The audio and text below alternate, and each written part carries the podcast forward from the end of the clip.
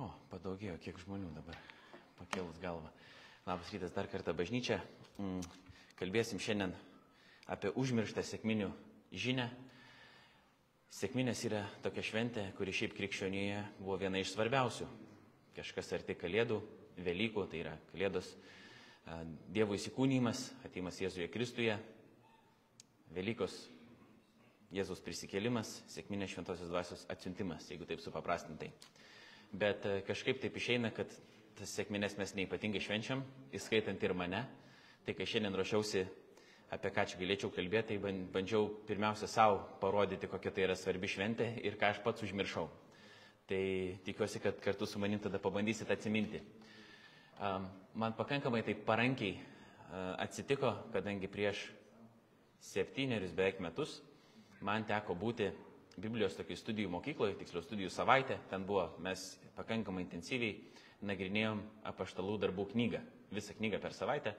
Am, Aš kai pradėjau tarnauti Agapiai, tokio organizacijai praktiškai iškart po įtikėjimo, tai buvo dovana man nuo organizacijos tai išsiuntimas į tą Biblijos studijų mokyklą kur atvažiavo toks britas teologas, Metas Vomsliai. Ir dar buvo vienas vyrukas, man atrodo, Davidas Wilsonas, ir jie mus visą savaitę mokė apie šventąją dvasę ir apaštalų darbų knygą. Vienas iš dalykų, kuris buvo pasakytas, tai kad apaštalų darbų knyga dar gali būti vadinama, ir netgi kai kuriais atvejais tai būtų tiksliau, šventosios dvasios darbų knyga. Tai truputį vėl pabandysiu įvesti mus į kontekstą, kadangi e, noriu kalbėti aš iš vieno šiandien buvusių skaitinių, iš paštalų darbų knygos antros skyriaus, nuo 1 iki 21 eilutės. Dar kai kurie skaitiniai šiandien buvę, irgi konkrečiai vienas iš pradžios knygos apie Babelio bokštą taip pat mums bus aktualus, bet kadangi jau imam šitą skaitinį kaip pagrindinį iš apaštalų darbų, tai kažką ir apie- apie pačią knygą mums reikia atsiminti.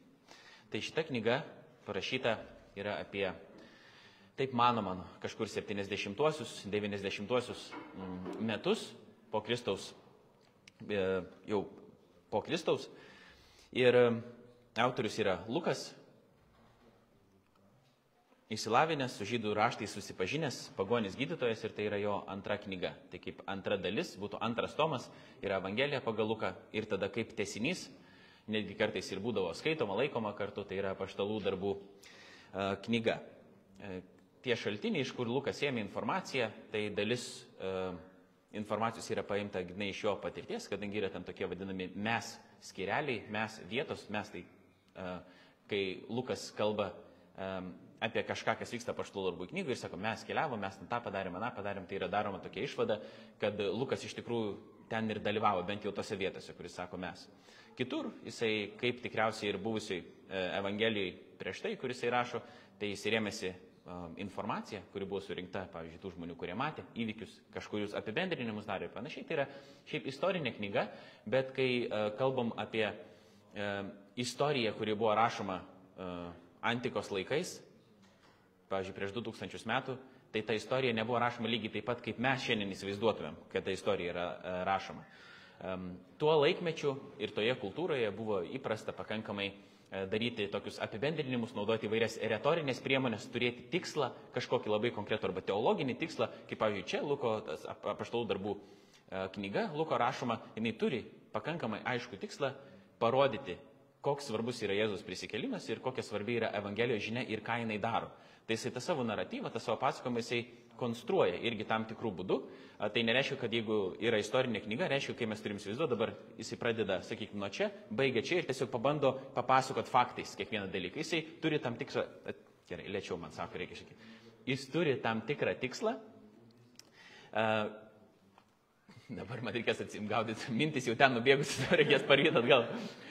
Jis turi konkretų tikslą parodyti e, ir atskleisti Evangelijos žinę, todėl jisai e, nors ir rašo kaip istorinė knyga, tačiau ne 21 amžiaus e, istoriografijos prasme, bet to laikmečio ir to kultūros, taigi pasilikdamas savo pakankamai laisvės.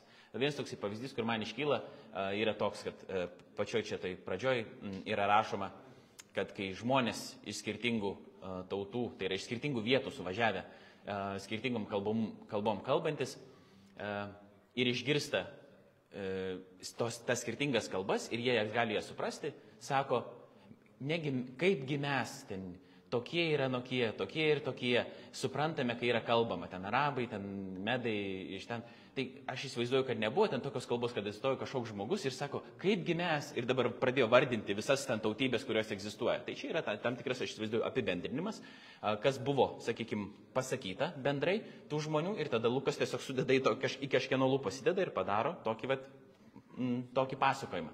Tai tokią laisvę tikrai turėjo autoriai, tuo metiniai ir Lukas tą daro ir čia nėra, kaip sakyti, nieko, um, nieko netinkamo.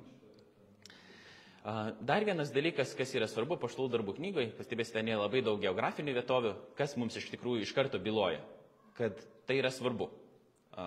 Vienas iš tų dalykų, kodėl tai yra svarbu, yra tai, kad apaštalų darbų knygoje yra pasakojama, ne, kaip Evangelijos žinia pradeda sklisti iš Jeruzalės, to judėja Samarija ir jau toliau jinai, jinai sklinda šventosios dvasios įgalinimu E, ir pagalba, ir kaip visos tautos yra surenkamos po tą Evangelijos žinę ir po Jėzaus vardu. E, pirmam, dabar apie pirmą skyrių truputį, kol mes prieisim prie to antro ir aš vėl skaitysiu tą patį gabaliuką, kas ten buvo. E, šita knyga yra skirta Teofiliui. Teofilis tas vardas reiškia Dievo mylėtojas. Sudurtinis žodis, tai šiaip daroma neretai išvada yra, kad tai buvo konkretus irgi asmuo, kiti sako, čia yra simbolinė kažkokia figūra, tas Dievo mylėtojas, kuriam yra paskirtas šitas darbas, kiti sako, čia yra istorinė figūra ir nemažai yra tokių manančių taip, į konkretus žmogus, kuriam Lukas visą šitą knygą rašo, gali būti netgi, kad tai yra Luko kažkoks remėjas finansinis ir tada jisai jam surašo tam tikrą nes tai reikalavo pinigų, ta prasme, visa, visa medžiaga, laikas, visa kita, ne kiekvienas tai galėjo padaryti, knygos buvo brangios, tai gali būti, kad tai yra konkretus irgi žmogus. Bet nėra tai taip svarbu, bet nes toliau eina pati ta svarbiausia žinia kad Jėzus prisikelia ir pasirodo mokiniams, kaip pasibaigia Evangelija, ne Jėzus mirtimi ir prisikelimu, tada čia yra tesinys, Jėzus yra prisikėlęs, jisai vaikšto su savo mokiniais, keliasdešimt dienų, jiems rodosi, netgi čia yra toksai terminas, kaip pateikia įvairių įrodymų, kad jis yra prisikėlęs. Galiausiai jisai tam pirmam skyriui pakyla į dangų, visi ten apšalę stovi, Jėzus mokiniai nebesupranta, kas vyksta, pasirodo du vyrai, sako, ko jūs žiūrite tą dangų, eikite ir darykit, ką jisai sakė. O Jėzus ką sakė? Sakė, reikia laukti dabar uh, tos naujos jėgos, šventosios dvasios, kurią aš jums atsiųsiu, kad jūs taptumėt ir jūs tapsite liudytojais Jeruzalėje, Samarijoje ir iki žemės pakraščių. Tada jie susirenka aukštutiniam kambaryje, daug ten tų žmonių, ne tik tie mokiniai. Dar lėčiau reikia. Oi, kaip sunku. Ah.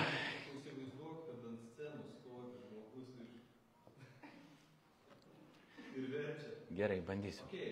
Bandau. Ne, ne, reikia kreipdėmėsi, bet e, čia, kaip sakyti, darbas su savimi vyksta to pačiu.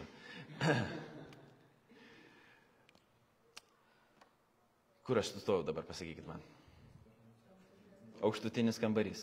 Tame kambaryje susirinkę ne tik uh, tie 12 yra, bet ir uh, daugiau žmonių. Ten iš vis po to rašoma, kad buvo susirinkę vienoje krūvoje apie netgi 120 tų tikinčiųjų. Jie laukia. Dabar tada einam į antrą skyrių ir skaitysim nuo antro skyriaus, pirmos iki 21 eilutės.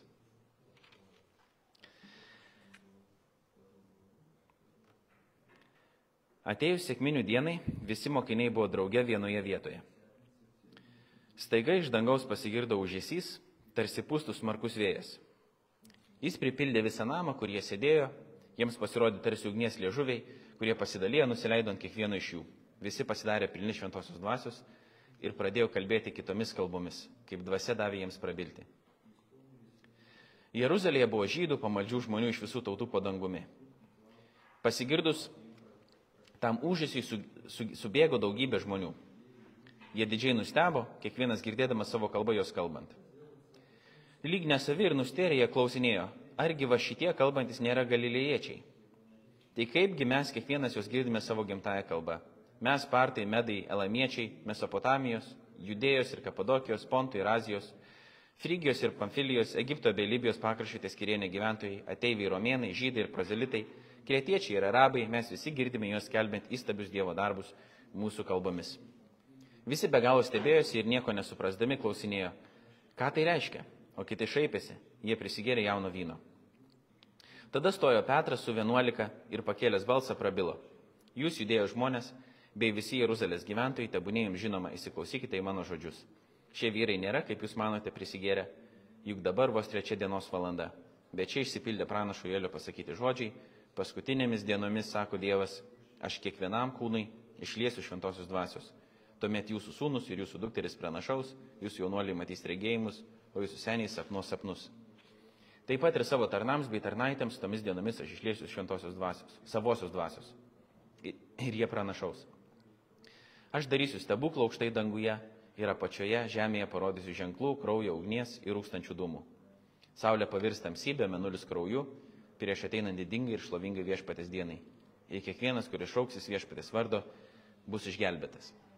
Dar vieną momentą praleidau, iki to dar yra išrenkamas vienas naujas apaštlas, Motiejus, kadangi Judas išdavęs Jėzų, galiausiai nusižudė, nemanęs, kad yra vilties kažkokios jam būti išgelbėtam, dėl to sako, reikia atstatyti dar vieną jo vietą, yra du pasiūlomi kandidatai, galiausiai yra metamas burtas, čia neįsim dabar giliai, ką tas reiškia, bet tiesiog yra tokia irgi praktika buvo ir Senajame testamente tokia buvo. Tai nereiškia, kad tai yra magija kažkokia, tai yra pasitikėjimas Dievu, bet tam tikras va, toks būdas, kurį dar naudojo to meto žmonės. Ir tokiu būdu yra išrenkamas dar vienas apaštalas, konkrečiai Motiejus. Ir dėl to, va, čia kai Petras atsistoja, yra dar minima, yra 11. Tai yra Petras ir dar 11, iš viso 12. 12 skaičius svarbus, 12 Izraelio giminių, dėl to tai nėra, kad nu, jie gali palikti tiesiog va, kažkaip taip. O tas apaštalas reiškia siūstasis ir to pačiu apaštalas jisai buvo tas, kuris yra matęs Jėzų prisikėlusi. Jis yra Jėzus prisikėlimo liudytojas. Gerai. Dabar einam prie to, kodėl aš sakau, kad ta sėkminių žinia yra užmiršta. Dažniausiai, vat, kai mm, girdim apie sėkmines, bent jau tam tikrose ratuose, uh, iš karto mums, uh, kas susijungia, tai yra uh, su, su ta sėkminių žinia, tai yra kalbėjimas kalbomis arba kažkokios charizmos, tai yra dvasinės dovanos. Ir tai yra tarsi vienas iš tokių esminių akcentuojamų dalykų dabar, kas įvyko. Kad tai įvyko, tai taip. Klausimas yra, ką tai reiškia ir ar tai yra svarbiausias dalykas. Ir skaitant uh, tą tekstą visą, ir ne tik šitą tekstą, bet turint omeny bendrą šventojo rašto kontekstą ir konkrečiai laiškus, ir evangelijas po to taip pat, uh, matom, kad uh, vis dėlto esminė žinia sėkminių nėra susijusi su šventosios dvasios dovanomis, kurios, pavyzdžiui, yra prašytas pirmam laiškė korintiečiam 12 skyriui. Tai galim dabar paklausti savęs tokio klausimo ir aš jums jį užduodu, galit garsiai neatsakinėti, bet pamastyti ir pažiūrėti, kiek tai sutaps su mano mąstymu. Aš nesakau, kad čia būtinai yra teisingas atsakymas, iki galo man taip atrodo, iš to, kaip aš aiškinosi tekstą, bandau suprasti. Tai koks buvo Kristaus, koks buvo Kristaus troškimas savo mokiniams? Jeigu atsimena tas istorijas, kai Kristus kalbėjo savo mokiniams, su jais buvo, jisai pasakė, kad jis kažko trokšta, jis kažko jiems nori. Ne? Kažkas ateina į galvą truputį. Ir dar galite savęs paklausti tokio klausimo, pagal ką Jėzus sakė, kad uh, žmonės atpažins, kad Jėzus mokiniai yra Jėzus mokiniai. Irgi, jeigu atsimenat tam tikrus dalykus, ką Jėzus sakė, galbūt kažkas jau pradeda galvoj skambėti. Tai pagrindinė žinia, mano supratimu, uh, kas yra bandoma pasakyti čia, tai yra, kad uh, prasideda kažkas naujo, um, ir atsiranda toks naujas darinys, kuris jau yra tam tikra prasme, kaip bažnyčia, Kristaus kūnas, nes dažnai yra sakoma, sėkminės yra bažnyčios įsteigimo šventė. Galbūt čia, bet čia būtų šiek tiek supaprastinti, taip sakyti, nes kas buvo tada prieš tai Kristaus mokiniai iki, iki šventosios dvasios atsiuntimo, ar jie jau buvo bažnyčia ar ne. Ir atrodo, kad jau kažkas tokio panašaus ir buvo, bet čia įvyksta kažkas naujo. Ir po to Petras apie tai pamokslauja iš Joelio knygos. Sako, va čia ir čia yra tas, kas įvyko. Tai yra įvykdomas tam tikras pažadas, kuris buvo duotas jų Senojo testamento laikais. Bet akcentas, kur čia dabar yra, kad tas Kristaus kūnas ne tik tiesiog yra kažkoks va, tas kūnas, matomas žmonėms, ne kažką darantis, bet yra akcentuojama jo vienybė. Ir čia Rūta pastebėjo prieš tai irgi tas skaitinys iš pradžios knygos apie Babelio bokštą yra labai tampriai susijęs su to, kas vyksta čia, sėkminių dieną. Tai yra tarsi viso to proceso perkeitimas. Kaip ir daug tokių momentų mes matom. Jėzus yra naujasis Adomas, jis yra tikrasis Mozė. Ne?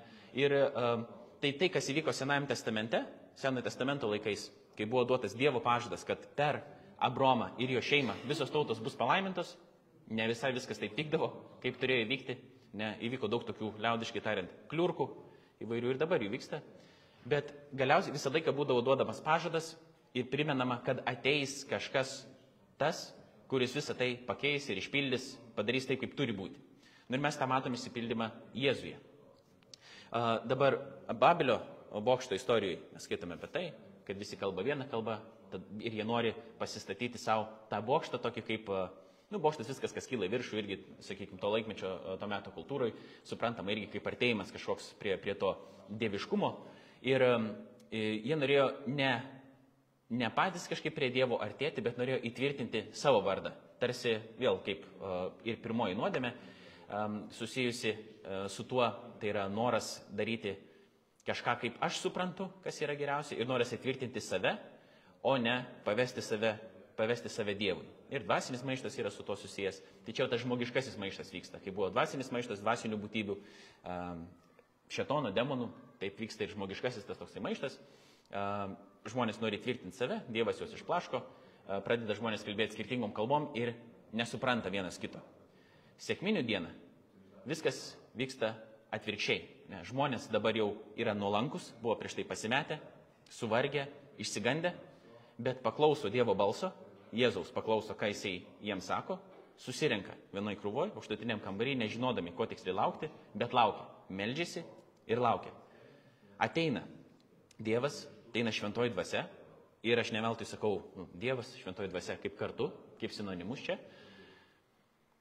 Ir žmonės pradeda kalbėti skirtingomis kalbomis, bet tos kalbos yra suprantamos tų, kurie jas girdi ir yra sujungiamos tautos vėl per tas pačias kalbas, tautos yra suvienijamos.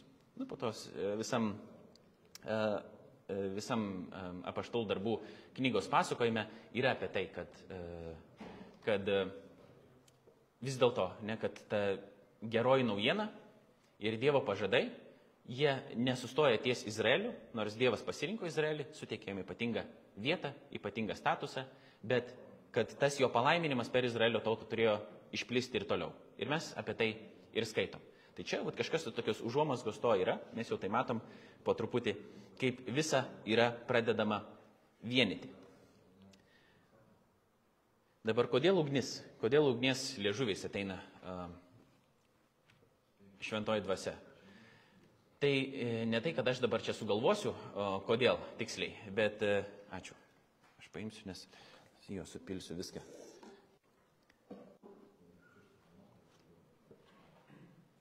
Šventasis raštas yra a, labai įdomi knyga, tiksliau knygų rinkinys arba knygų biblioteka, kurią skaityti reikia mums a, daug pastabumą, lavinti įvairius įgūdžius ir ten yra daug nuorodų iš vienos vietos į kitą ir sąsajų.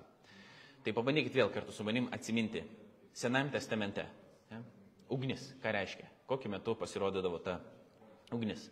Ir iškart mes atsimenam, kad uh, Ant Sinajaus kalno ugnyje Dievas pasirodo, ten yra įsteigiamas įstatymas.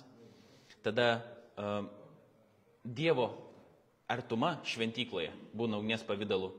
Dievas ugnies ir debesies tulpe veda Izraelį per dykumą. Tai diev, ta ugnis visą laiką yra asocijuojama Senajame testamente kažko, su Dievo artuma. Ne? Tai dėl to neveltui va, ta šventoji dvasia, kuri ateina, ateina uh, ugnie, ugnies pavydalu. Ir kitas dalykas, kur irgi mes skaitom, kad pasigirdo garsus užėsys, vėjo užėsys. Tas pats irgi hebrajiškas žodis, tas ruach, gali reikšti ir dvasia, ir vėjas.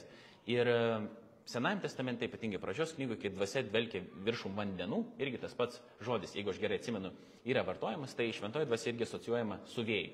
Ne? Dvasia pučia kur nori, arba vėjas pučia kur nori, jinai dalyja domenas kaip nori. Tai va tas vėjas ir, e, ir ugnis. Tai ugnis byloja apie tai, kad čia vyksta kažkas dieviško.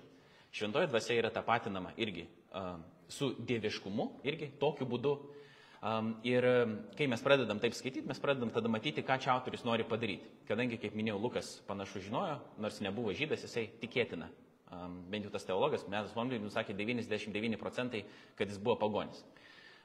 Galime tokia išvada daryti. Tai jisai buvo vis tiek susipažinęs, atrodo, ir, ir su, su kultūra, ir, ir su raštais ir jisai žinojo, žinojo, ką jisai daro ir ką čia nori dabar e, pasakyti. Aišku, tai nebuvo vien literatūrinis kažkoks dalykas, ne, bet e, Dievas jisai apsireiškia žmonėms taip irgi, kad jie suprastų ir jie padary, galėtų padaryti tam tikras, tam tikras išvadas. Bet Lukas akcentuoja tą ugnies momentą. Nu, nebereikalo. Jis gali rinktis, ką akcentuoti, ko ne, bet šitame tekste jisai, uh, jisai tą daro.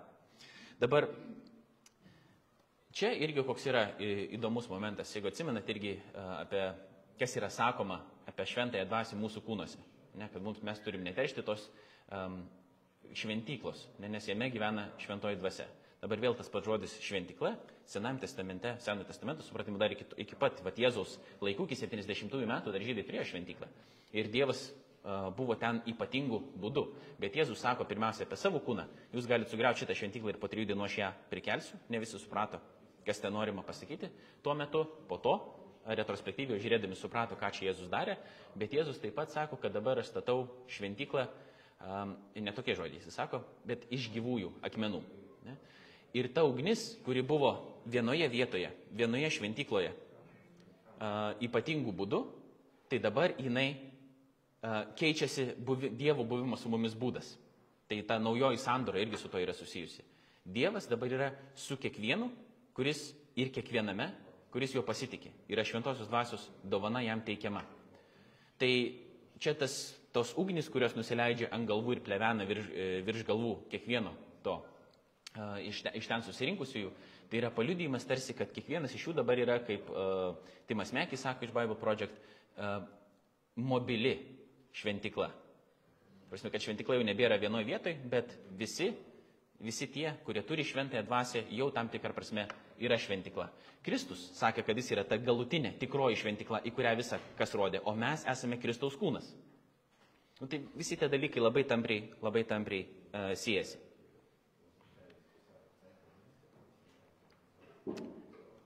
Grįžtam vėl prie to, kad tai buvo senas pažadas, kad tai nebuvo kažkas tokio, va, kad čia nebūtų įmanoma nieko suprasti. Ne? Ir Petras susiję tos dalykus, mes nežinom, kas tikrai Petro galvoje vyksta, bet jis ten būdamas pirmam skiriui vieną kartą atsistoja kažką pakalbėti ir po to dabar čia vėl stojasi ir sako, kad va, štai kas čia įvyko. Jis susiję šitos įvykius su tuo, apie ką kalbėjo Joelis, kad galiausiai bus išlieta šventoji dvasia ir pranašaus, ir sapnuos sapnus, ir taip toliau. Ne? Ir, kad, ir čia kodėl tai yra dabar svarbu. Šventoji dvasia, jeigu atsimintumėte Senąjį testamentą, ar jinai būdavo duodama kiekvienam ir kiekvienu atveju? Ne. Šventoji dvasia būdavo duodama tam tikrais, tam tikrais momentais, tam tikriems asmenims atlikti tam tikras užduotis. Pavyzdžiui, menininkam čia galbūt svarbu bus, buvo duota šventoji dvasia įgalinanti išpuošti šventyklą, ne, tada ten įvairiais, įvairiais gražiausiais būdais. Po to Samsonas, Jefta turėjo irgi šventąją dvasę, kai dėl to turėjo ten Samsonas ten jėgos daug ir panašiai. Tai buvo duodama tam tikrais momentais, su tam tikrų tikslu, tam tikriem asmenim. Dovydas dėl to, pavyzdžiui, sako, tu dievė netim šventosios dvasios ir panašiai iš manęs. Um, dabar čia šventoji dvasia jau yra išpildomas tas pažadas, kuris yra uh, aprašomas uh, Joelio knygoje, kad šventoji dvasia yra dabar jau visiems, visiems tiems, kurie um, atgailauja ir pasitikė Kristumi. Šventoji dvasia ateina ir atgimdo naujam gyvenimui. Jėzaus mokinius. Čia tada prisiminam Jono trečią skyrių, kur ateina Nikodemas pas Jėzų ir sako, ką man daryti, kad aš turėčiau amžiną gyvenimą. Ir Jėzus sako, kas neatgims iš vandens ir dvasios, tas nematys Dievo karalystės. Jis akcentuoja daug tą, kad yra svarbu atgimti iš dvasios. Ir mes šitą savo tokį vedam irgi doktriną, irgi, kad nėra tokio dalyko kaip bedvasis krikščionis. Kad e, dabar jau šitame laike, po šventosios dvasios išleimo, kai šventoji dvasia yra uh, duodama visiems kaip dovana, kuri įgalina tam krikščioniškam gyvenimui ir šventoji dvasia yra tai, kas mus atgimdo tam naujam gyvenimui. Ir įgalina jį gyventi. Dabar su šventąją dvasia grįžtam prie to momento, kad kas yra mėgstama nemažai akcentuoti, kadangi tai yra kažkas tokio wow, tai yra duodamos tam tikros charizmos ir ženklai. Dėl to kai kurie žmonės, kai kurios gal denominacijos irgi, um, nesakau, kad tai yra būtinai blogai, bet akcentuoja tai per stipriai galbūt tam tikrus dalykus susijusius su charizmom kai pasimeta tada ir kiti dalykai, kurie yra svarbus. Ne? Gal mes kai kurie, pavyzdžiui, charizmas nebeakcentuojam taip stipriai ir mums yra nebesvarbu. Ir tada mes negaunam a, kažkaip to, ką Dievas mums siūlo irgi, ką mes galėtumėm turėti, bet mes to negaunam. Tai mes dėl to bandom turėti tokį subalansuotą tą vaizdą, apie ką čia eina kalba, kad galėtumėm iš tikrųjų gyventi toj a, Dievo dvasios pilnatvėj. Bet tos charizmos ir tie ženklai, apie kuriuos yra kalbama, jie nėra savitiksliai. Ženklas turi nurodyti kažką. Charizmos yra skirtos Kristaus kūnui ugdyti ir asmeniniam dvasiniam augimui. Paulius apie tai kalba kaip tas dovanas reikia naudoti ir panašiai. Tai jos yra naudingos, jos yra reikalingos, bet jos nėra savitikslės, kad aš ją turiu vardant to, kad aš ją turėčiau, arba kad aš tada esu kietesnis krikščionis už kitus ir galiu sakyti, va, tu taip to neturi, arba ano neturi, pavyzdžiui, tu nekalbi kalbom, dėl to gal tu esi net netikras krikščionis. Man šita pozicija atrodo labai problematiška, um, bet čia neturėsiu tiesiog laiko pabandyti išskleisti, kodėl aš taip, kodėl aš taip galvoju. Bet mintis mano pagrindinė yra ta, kad jie šitie dalykai, jie nėra savitiksliai. Kaip ir stebuklai nėra savitiksliai, kai Jėzus sako, nu, tu padaryk stebuklą, taip, tada aš patik, tavim patikėsiu. Nu, Jėzus nėra purtininkas, jis ne fintus daro, jis ne, ne, ne šau atėjo parodyti. Jeigu žmogus savo širdyje nėra atviras Dievui, kaip po to yra rašoma, net jeigu iš numirusių kažkas prisikeltų, tai jisai nepatikės. Tai stebuklai yra skirti tam, kad nurodytų į kažką, kas yra svarbiausia. Tas kažkas yra pats Dievas, Dievo asmuo. Ir jeigu žmogui reikia stebuklų kažkokių, tai Dievas duos jam tų stebuklų, kad suminkštintų tą jo širdį ir jisai patikėtų. Bet jeigu kažkas reikalauja stebuklo vardant stebuklo, kad fintų kažkokiu pamatytų, tai Dievas nežaidžia šitokių žaidimų. Pirmam laiške korintiečiam, 13 skyriui, iš karto po visų tų dovanų sąrašo, pirmas korintiečiam 12, ne, yra tos dovanos, minimos įvairios, kaip mokymo dovana, kalbų dovana, pranašystės, gydimas, vadovavimas, davimas ir panašiai. Tas sąrašas nėra baigtinis.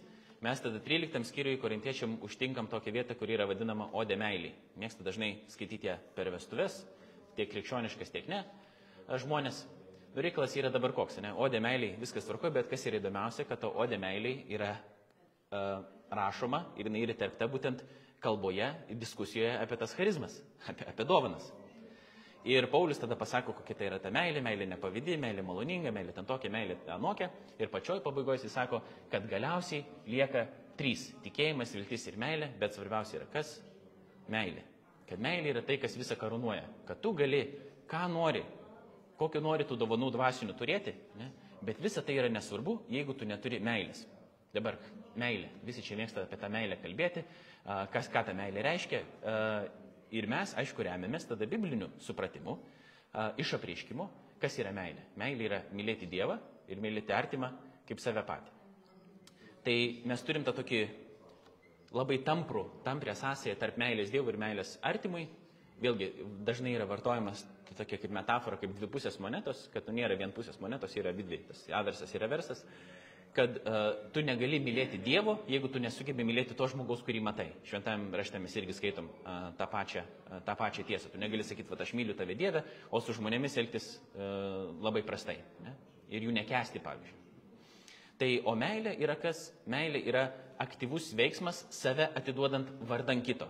Tai Kristus vėl čia kalba visą laiką apie tai, kad kas, savęs, uh, kas save kas miršta, tas atgimsta, kas, kas atiduoda, tas gauna ir panašiai. Mes turim tokį didelį paradoksą, nes mes galvojam, kad gauti galim tik tada, jeigu savo pasilaikom kažkaip. O Kristus viską atvirkščia, atverčia atvirkščiai. Bet meilės veiksmas, ta meilė nėra kažkoks šiltas jausmas, vien tik tais kitam asmeniai, duos Dievas bus ir tas jausmas, bet meilė yra veiksmas. Atiduodant save vardan kito. Ir tai yra paradoksas, kadangi mes tada ir laimime žymiai daugiau tada mes ir patys gauname. Bet tai, yra, bet tai reikalauja, kaip sakyti, tokio tikėjimo žingsnio, kad tu pasitikė viešpačiu, kuris taip sako, kad tu atidavęs iš tikrųjų gausi, bet darai ne dėl to, kad gautum, o dėl to, kad toks yra kvietimas ir tai yra tikras, tai yra tikras gyvenimas. Dabar, kai kalbam apie tikėjimą, viltį ir meilę ir kad viską karūnuoja meilė, kad meilė yra svarbiausia, tai nereiškia, kad tikėjimas ir viltis jie nėra svarbus sako, čia yra svarbiausia, bet meilė viską karūnuoja. Tai reiškia, yra daug svarbių dalykų mūsų krikščioniškam gyvenime, bet jeigu meilės nėra, ir čia grįžtam prie to vėl, ką aš sakiau, ką Kristus paminėjo, kaip jūs kaip atpažins visi, kad esate mano mokiniai. Iš to, kaip jūs mylėsite vienas kitą. O mylėsite ne kokius jūs šiltus jausmus jausite vienas kitam, bet kaip jūs elgsitės vienas su kitu. Ir tai buvo vienas iš didžiausių paliudymų žmonėms, tame laikmetyje, toje kultūroje, kaip krikščionys radikaliai kitaip gyveno. Stebuklai, dvasinės dovanos buvo irgi, bet tai buvo net nesminis dalykas, kaip, jie, kaip buvo liudyjama. um, Kristaus tiesa. Bet tas radikaliai pasikeitęs gyvenimas, mylint Dievą per meilę savo, savo artimai. O artimas yra netgi tavo priešas. Nu, vat, čia tokia, kaip sakyti, turim gumulą visokių tokių, visokių tokių dalykų. A, tai meilė turi visą karūnuoti, visą mūsų veiklą, visą, ką mes darome. Ir, kaip minėjau, tai nereiškia, kad tikėjimas ir viltis yra nesvarbus, tai nereiškia, kad tiesa nėra svarbi arba doktrina teisinga, bet kur mes atsidurėm kartais iš tokių gerų labai intencijų, iš noro, kad viskas būtų tiksliai, teisingai, taip kaip aš suprantu, viską nušlifuoti, nu, viską nupoliruoti, kad mes um, per tą tokį bandymą kartais galim uh, paminę meilę visiškai nepataikyti tą tikslą, kurio mes siekim. Nes mes turėtumėm, pažiūrėjau, norėti, ne, kad, uh, kad žmonės pažintų tiesą, pažintų Kristų. Kristus sako, jūs pažinsite tiesą ir tiesa padarys jūs laisvus, tiesa yra jis pats. Jis sako, esu kelias tiesa ir gyvenimas.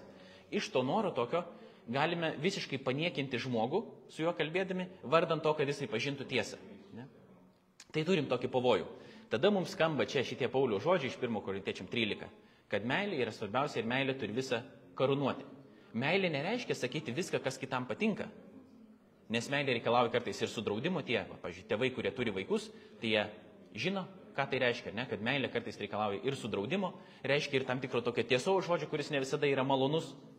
Bet bėda yra ta, kad kartais nu, mes žmonės esame tokie, mes nemokam būti įtampai, mes visą laiką linkstam į ekstremumus. Tai vienas ekstremumas yra uh, sakyti visą laiką, pavyzdžiui, tokią tiesą uh, arba, kaip sakyti, drausminti, raginti, imti švento rašto žodžius, uh, priimti tos rašto žodžius uh, rimtai, kurie sako, kad būkite pasirengę padaryti kiekvieną žmogų tobulą, Kristuje, drausmindami, raginami ir panašiai. Tai va šitą labai stipriai įsikimba, ragina, drausmina, aiškina, pasakoja, ne? Ir čia viskas yra gerai, bet meilė kažkur nuplaukia. Ne? Bet užakcentuojama yra tai, kad svarbu, kad viskas būtų tiksliai, tiksliai, tiksliai, um, tiksliai taip, kaip turi būti. O kitoj pusėje žmonės sako, žiūrėkit, per tą aiškinimą tiesos, doktrinų ir visą kitą meilę mes pametam. Dėl to gal tada nesi, nesiskirstikim kažkaip, nesidalinkim dėl tų doktrinų, tiesiog mylėkime. Nu čia dar vienas ekstremumas, kuris yra nesąmoningas, nes tiesa ir meilė jos eina kartu.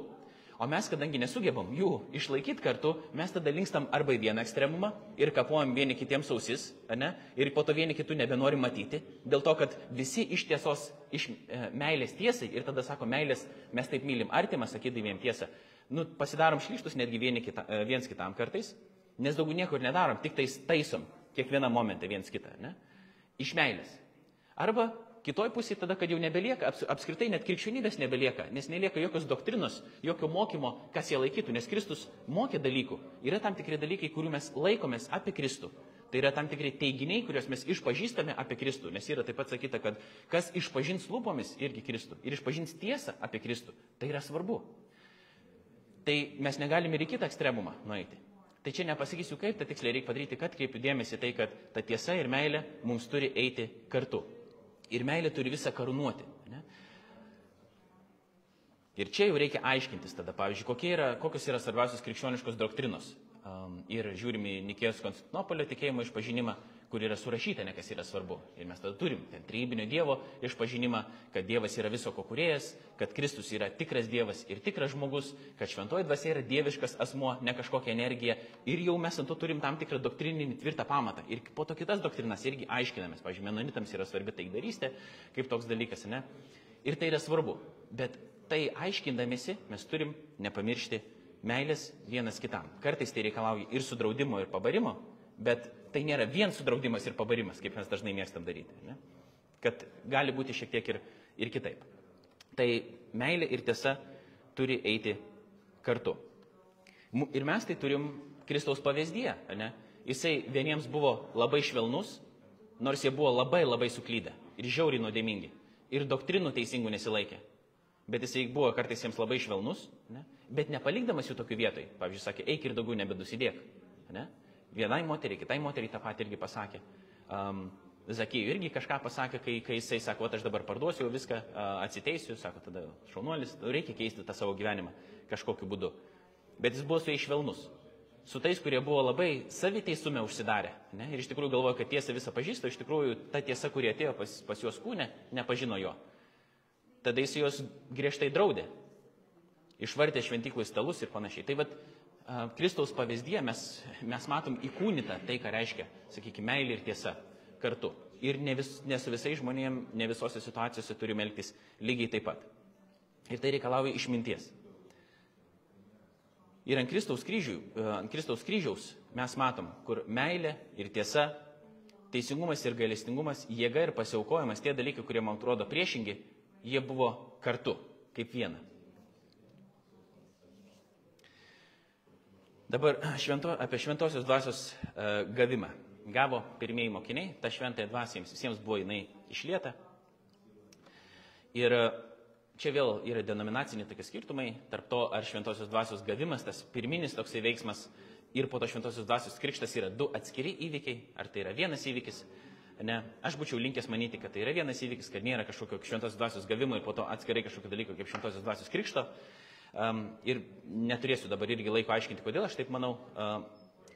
Bet kad dvasia atgimdo naujam gyvenimui, tai krikščionis uh, su tuo sutinka, ne, jinai įgalina atsivertimą, jinai teikia dovanas, tačiau, kaip sakiau, mano irgi supratimu, kalbos nėra būtinas uh, to rezultatas. Gali būti kalbas, to rezultatas gali nebūti, bet šventoji dvasia mus atspo, užanspauduoja amžinam gyvenimui, tai yra mūsų laidas į amžiną į gyvenimą. Šventoji dvasia šventina ir įgalina gyventi taip, kaip Kristus.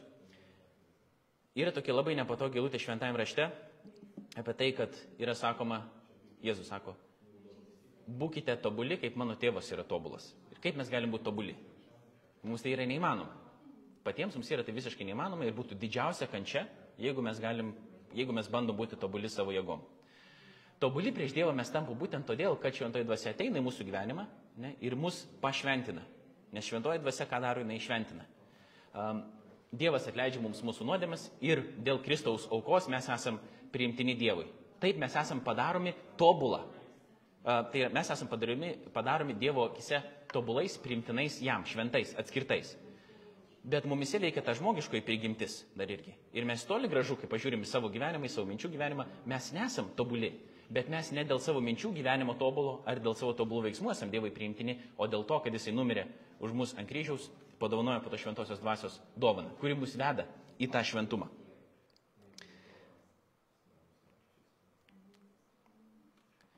Bet kur yra skirtumas? Irgi man tai atrodo, kad yra skirtumas tarp turėjimo šventąją dvasę ir buvimu pilnu šventosios dvasios. Ir Agapė, ta organizacija, kurioje aš dirbau, ilgą laiką irgi tą labai stipriai akcentuoja ir netgi jos vadovo Bilo Braito buvo paklausta, jeigu, reik, jeigu galėtum vieną dalyką pasakyti žmonėms, ką tu jiems pasakytum, apie ką tu jis kalbėtum, jeigu turėtum ten penkias minutės. Jis sakė, kalbėčiau apie buvimą pripildytų šventosios dvasios, nes be jo yra neįmanomas krikščioniškas gyvenimas. Bilas Kreigas, toks filosofas ir teologas, sako, kad um, jo supratimu pagrindinė priežastis, kodėl mes ir esam tokie nudni ir nupezę, yra todėl, kad mes bandom padaryti neįmanomą. Mes bandom savo kūno pastangomis, savo jėgomis gyventi Dievui priimtiną gyvenimą, nepriimdami jo malonės ir jo atleidimo, tai čia neveda į tinginystę.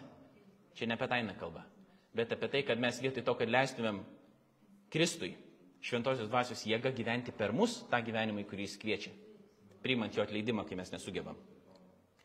Mes bandom viską padaryti, ką jisai mus kviečia patys. Ir dėl to tas standartas yra toks aukštas, kad tu kiekvieną dieną gali, kaip sakyt, nusivilti taip, kad žiūri, kad neįmanoma. Nei kiti taip negyvena, nei aš taip negyvenu ir kokie mes dabar esame krikščionys. Vėlgi čia Bilas Kreigas daro tą skirtumą, taip pat ir Agapiai, man atrodo, jisai būdavo, kad yra uh, trijų rūšių žmonės natūralusis žmogus, kūniškas žmogus ir dvasinis žmogus. Tai natūralusis tai yra tas, kuris yra net gimęs iš aukšto, tas, kuris uh, Dievo nenori, jam Dievo nereikia. Yra tas uh, kūniškas žmogus, kuris yra atgimęs iš šventosios dvasios. Ta šventoji dvasia yra jame, bet jisai nėra ją pripildytas ir jis negyvena jos jėga. Ir yra tas tada dvasinis žmogus, kuris jau yra pasidavęs šventai dvasiai. Ir tai nėra tai, kad aš čia dabar kažką padarau, tada šventoji dvasia mane daugiau ateina, bet tiesiog vėlgi kaip sėkminių dieną jie buvo pasidavę jau visiškai. Tiesiog atsidavę Dievo darbui, ką jisai padarys. Jau nustoja remti savo visų supratimu ir savo pastangom. Ir, jie, ir čia tas dvasinis žmogus tiesiog pasiduoda, kad Dievo dvasia pradėtų jame veikti galingai. Bet tai nereiškia, kad vieną kartą pripildyta šventosios dvasios, tu ir būsi visą laiką pripildyta šventosios dvasios, nes mes esame kaip tokie prakiurę kibirai. kur tu pili vandenį ir tas vanduo nuolat teka, dėl to reikia nuolatinio, nuolatinio, nuolatinio pripildymo. Kaip tas vyksta? Formulių vėl jokių nėra. Aš prieš porą metų, čia prieš tris beveik jau šnekėjau irgi apie šventąją dvasę ir šventosios dvasios pripildymą. Tai pakartosiu tą patį, jeigu įdomu, yra apologetika.lt YouTube kanale, vėlgi taip pat irgi buvo čia Vilniaus laisvų krikščionių bažnyčių tas pamokslas apie tai, kas yra šventoji dvasia, ten šiek tiek plačiau apie tai kalbėjau. Bet iš principo, ką siūlo, pavyzdžiui, agapės teologai, tai būdavo taip tiesiog, kad užsimti dvasinių kvepavimų. Ir čia ne rebefingas, čia ne New Age praktikos kažkokios. Dvasinis kvepavimas yra a, išpažinti savo nuodėmės, pasakyti viešpačiui, kas yra tiesiog ne taip, pripažinti, kad ėjai ne tuo keliu, kažkur ne visai ten, galbūt per daug savo pastangom rėmėsi, ir įkvėpti Dievo pažadus, kad tau yra atleista ir kad Dievas tave priima, ir kad Dievas tave myli, ir kad Jisai nori vesti tave savo keliais. Tai tiesiog nepamiršti to visą laiką nuolat.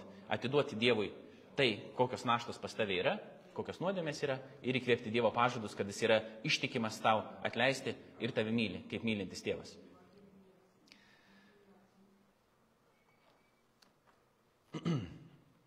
tai da paskutinį pavyzdį, kaip uh, galima dar vėl pateikti, yra tokį. Šventą dvasę turėti, tai reiškia turėti ugnį, pavyzdžiui, dujinę viryklę uždegat, dega ugnis, ne? Labai maža, jinai gali degti ir norėsit užkaisti vandenį, nu, pašiltas vanduo, bet jis niekada neužvirs. Bet gali, galima atsukti normaliai tas dujas ne, ir ta ugnis pradės gerai kaitinti ir tada užvirsit ir vandenį arbatai. Kažkoks įvyks dalykas, kurio jūs norit, kažkoks vaisius. Tai ugnis yra ir vienu ir kitu atveju. Tik vienu atveju jinai tiesiog rusena, jinai yra, jinai niekur nėra dingusi ir kitu atveju jinai liepsnuoja. Bet čia vėl neina kalba apie kažkokius jausmus. Dabar vėlgi, kaip tas dvasios pilnas gyvenimas pasireiškia, kaip jisai atrodo. Ar jisai pasireiškia per kalbų dovanas, ar išgydymus, ar pranašystės, ar dar kažką. Tie dalykai gali būti. Bet, pavyzdžiui, Korinto bažnyčia buvo viena iš kūniškiausių bažnyčių. Ten buvo tiek daug tragedijų, o dvasinių dovanų apstu. Bet gyvenimas, nu, nereto tragiškas. Incestas, ta prasme, ten prisigėrimas per viešpatės vakarienę, persivalgymas, numetimas tų mažiausių, tie, kurie nori, pavyzdžiui, ne, ateina į viešpatės vakarienę, kurie yra neturtingi, kiti jos nustumia, ta prasme, nu, kažkur pavaro į šoną. Nu, tragedija atrodytų, ne?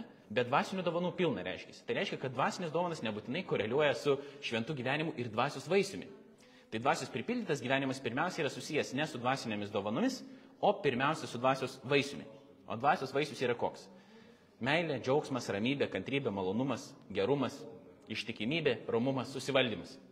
Tai net nėra kažkokie jausmai čia ypatingai kylantis. Čia yra toks vat, gyvenimas, turėtų būti dvasios pripildytas, atrodyt kažkaip taip. Mes turėtume pasižymėti meilę, bent jau kažkokią, kažkokių džiaugsmų, kažkiek ramybės, turėtų būti kažkiek kantrybės, gerumo, ištikimybės ir panašiai. Ir jeigu taip nėra mūsų gyvenimuose, ir pas mane dažniausiai to net nėra, tai vėlgi ką mes galim tada daryti?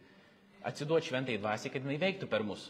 Nes jeigu dabar su to sakysiu, aš dabar būsiu kantrus žiauriai ir tada Dieve duok man kokį nors situaciją, kur aš galėčiau būti kantrus ir aš gaunu ir tada iškart pastebiu, dabar iš karto sufeilinu, žiauriai. Ne? Tai atsiduoti vėl šventai dvasiai, kad ta, jinai augintų tą vaisių mumise.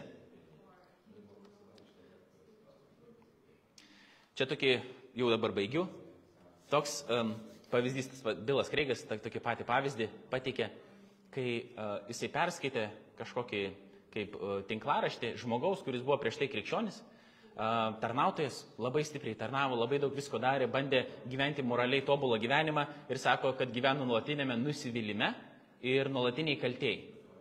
Aš galiu kartais susitapatinti su tuo. Toksai, nu, kad jisai nesugeba nieko padaryti taip, kaip reikia, uh, jisai yra blogas krikščionis, jisai nepakankamai ten tarnauja, nepakankamai visko daro ir jis yra įgyvena nusivylimė ir kaltėjai. Ir jo pasirinkimas galiausiai koks buvo ne kažkaip spręsti tą problemą, nepažiūrint. Nu, aš tiksliai nežinau, koks ten psichologinis procesas vyko jo galvoje, dėl to gal nelysiu, bet kaip jis tą problemą išsprendė, jis tiesiog nustojo būti krikščionimi. Ir patyrė labai didelę laisvę. Jis sakė, aš noriu, kad kiekvienas tai patirtų, nes nebejauti jokios kalties, dėl to, kad nebebuvo jokio standarto, kuris turi pasiekti. Tiesiog galėjo gyventi taip, kaip norėjo. Ir negalvojo, kad jis turi kažką padaryti dėl kažko. Ir jis taip pajutė labai didelę laisvę. Dabar klausimas, ar čia ir yra tas tikrasis sprendimas? Nes vis tiek, nu, tų standartų tau bus gyvenime, kuriuos tu turi padaryti. Nu gerai, tu dabar būsi laimingas, bet tu po to pamatysi, kad vis tiek tu nesi toks, kaip tu pats įsivaizduoji, kad turėtum gyventi.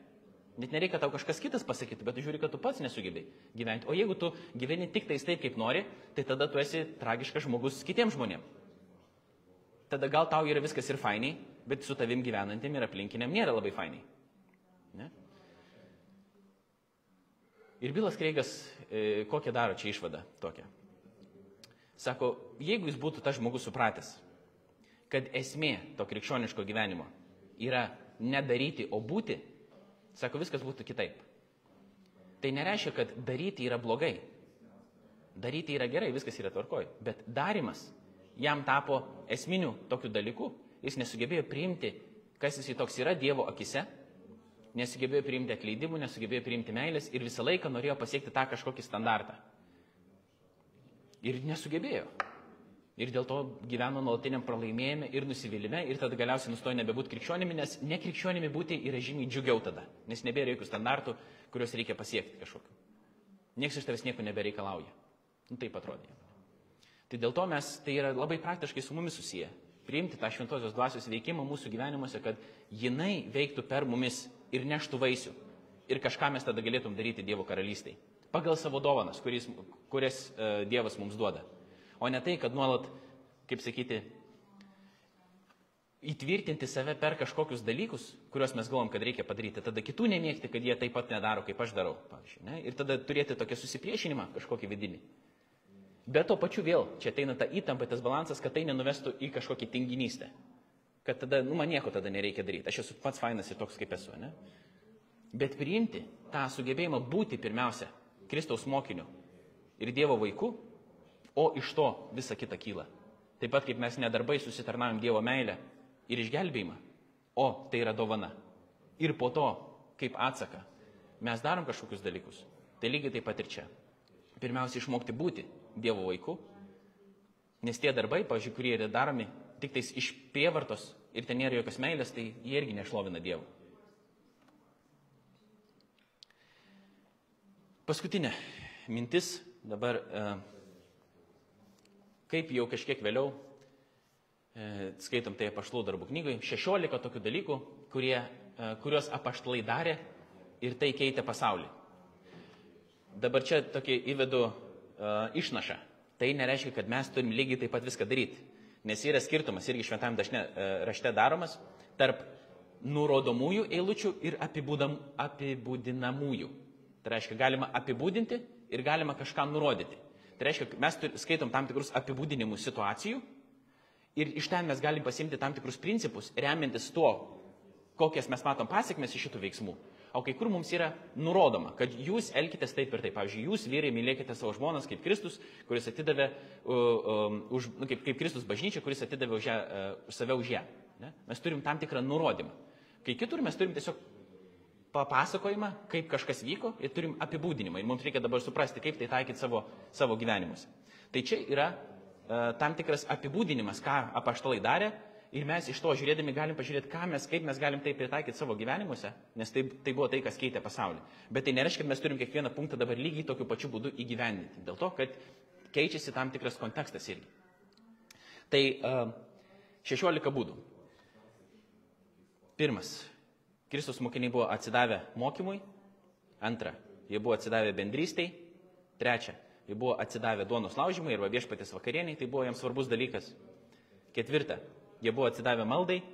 Penkta, jie buvo pripildyti nuostabus. Šešta, jie uh, matė stebuklus ir ženklus ir per juos buvo daromi stebuklai ir ženklai. Septinta, jie buvo kartu, tiems buvo svarbu.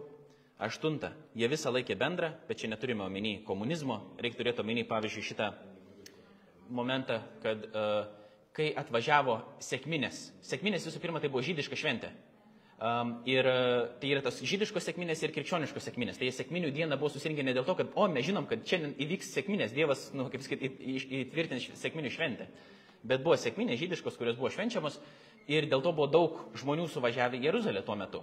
Ir po to tų daug žmonių, kurie atsivertė, ten 3000 vos net ant to artimiausių metų, jie jiems, jie tikriausiai ir pasiliko ilgiau Jeruzaliai ir jiems reikėjo kažkokio išlaikymo, bendrystės, draugystės, tai va, tie žmonės, kurie buvo krikščionys jau tuo metu, jie kai ką ir parduodavo, kad galėtų iš, į namus priimdavo tos žmonės, kurie buvo atkeliavę, nes jiems reikėjo kažkur tiesiog būti ir pasilikti, tai jie dalindavosi. Ne? Tai kontekstas buvo toks.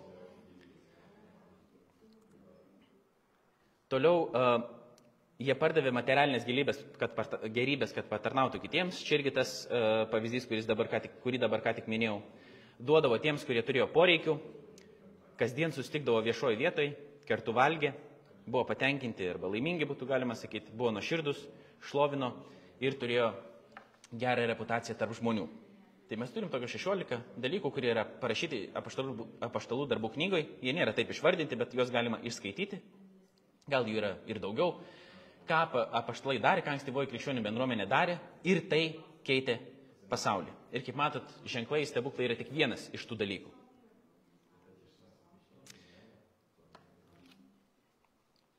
Tai bet pabaigai tik tais primenu tai, kad čia nėra įsakymai, bet ankstyvosios bažnyčios, iš kurios mes galim pasimokyti apibūdinimas. Mes turim išmintingai suprasti, ką tai reiškia ir kaip tai reikėtų taikyti savo gyvenime. Dėl to mes esame bendruomenė, dėl to mes skaitom šventai raštą, bandom tos dalykus suprasti.